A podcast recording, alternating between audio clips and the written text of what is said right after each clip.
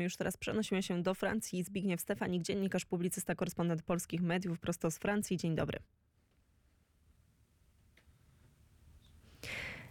I drodzy Państwo, e, widzę, że mamy drobne problemy techniczne. W takim razie zapowiem, o czym porozmawiamy ze Zbigniewem Stefanikiem, a mianowicie o tym, jakie wnioski, jakie wnioski Francja e, wyciągnęła, e, aby inwestować w swoją armię, w swoje wojsko. Widzę, że mamy już połączenie. Zbigniew Stefanik, dzień dobry.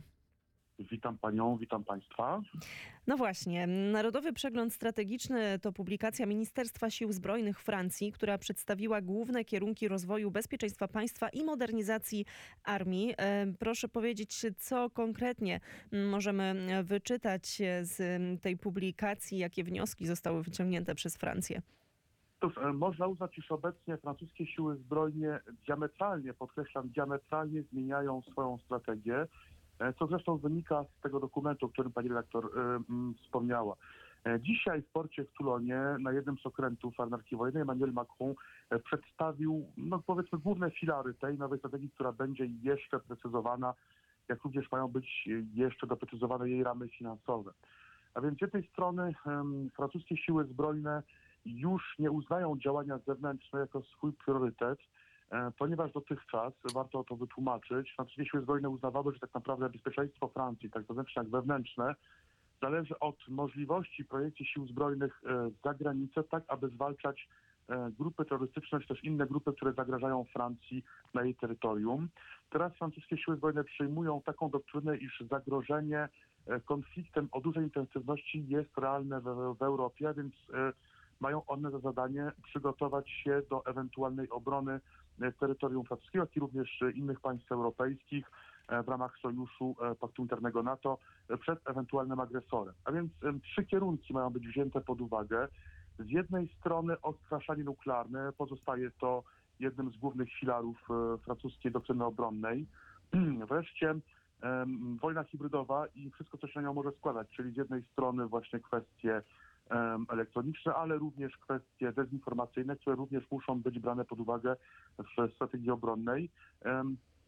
Kwestie również związane z cyberwojną i cyberatakami. Otóż, jak wiemy, Francja została dotknięta w ostatnich tygodniach, miesiącach e, szeregiem e, cyberataków. Niestety niektóre e, były udane, na przykład jak ten na szpital w mieście Corbeil-Essonne, który doprowadził do tego, iż część danych zostało ujawnionych, danych pacjentów, jak również jak również e, medyków. A więc odstraszanie nuklearne po pierwsze, po drugie wojna hybrydowa, po trzecie cyberwojna e, i przygotowanie na ataki w ramach cyberwojny. Francja przewiduje w ramach współpracy z NATO również rozwijać współpracę z partnerami europejskimi na rzecz obrony bezpieczeństwa. To jest współpraca z Belgią, Niemcami, ale również z Włochami, Grecją i Chorwacją jak również w najbliższym czasie jest przewidziany specjalny szczyt francusko-brytyjski, tak aby nie tylko odnowić, ale, ale również odświeżyć, uaktualnić współpracę militarną brytyjską-francuską.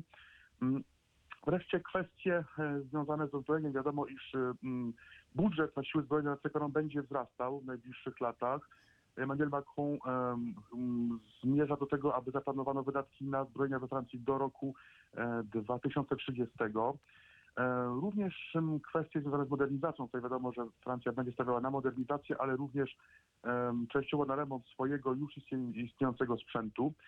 Um, wiadomo również, e, iż zakończy się operacja Barkan. Operacja Barkan to operacja no, antyterrorystyczna, która była prowadzona w państwach Sahelu, w tym między innymi w Mali. Mm, skąd Francja się wycofała, jak wiemy, e, kilka miesięcy temu, e, no właśnie poprzez e, mm, przejęcie tego kraju przez grupę Wagnera na zlecenie Moskwy, wszystko to wskazuje. A więc pomimo, iż operacja Barkan kończy się tak naprawdę, kończy swoje działanie i swoje istnienie, to nie oznacza, że francuskie siły zbrojne wycofają się z Afryki. Obecnie około 3000 żołnierzy francuskich służy w Czadzie, w Nigerze, też Burkina Faso. Wiemy e, z tego, co mówił prezydent Francji, iż dalsza ich służba i działania, e, które będą koncentrowały się nadal na walce z dżihadyzmem, mają z kolei opierać się już nie o operację Barkan, tylko właśnie o e, dwustronne umowy pomiędzy tymi państwami, gdzie te operacje będą miały miejsce, a rządem we Francji. Wreszcie kwestia, która budzi we Francji E, Wiele dyskusji, e, wątpliwości czasami, a być może wręcz kontrowersji. Otóż Emmanuel Macron e, powiedział, iż tak naprawdę głównym e, filarem, czy głównym elementem, e, który doprowadził e, Ukrainę do tak skutecznej obrony przeciwko agresorowi, to fakt, iż Ukraina, Ukraińcy mają silną wspólnotę narodową, y, i wspólną wspólnotę narodową, co umożliwia im tak naprawdę skuteczną walkę.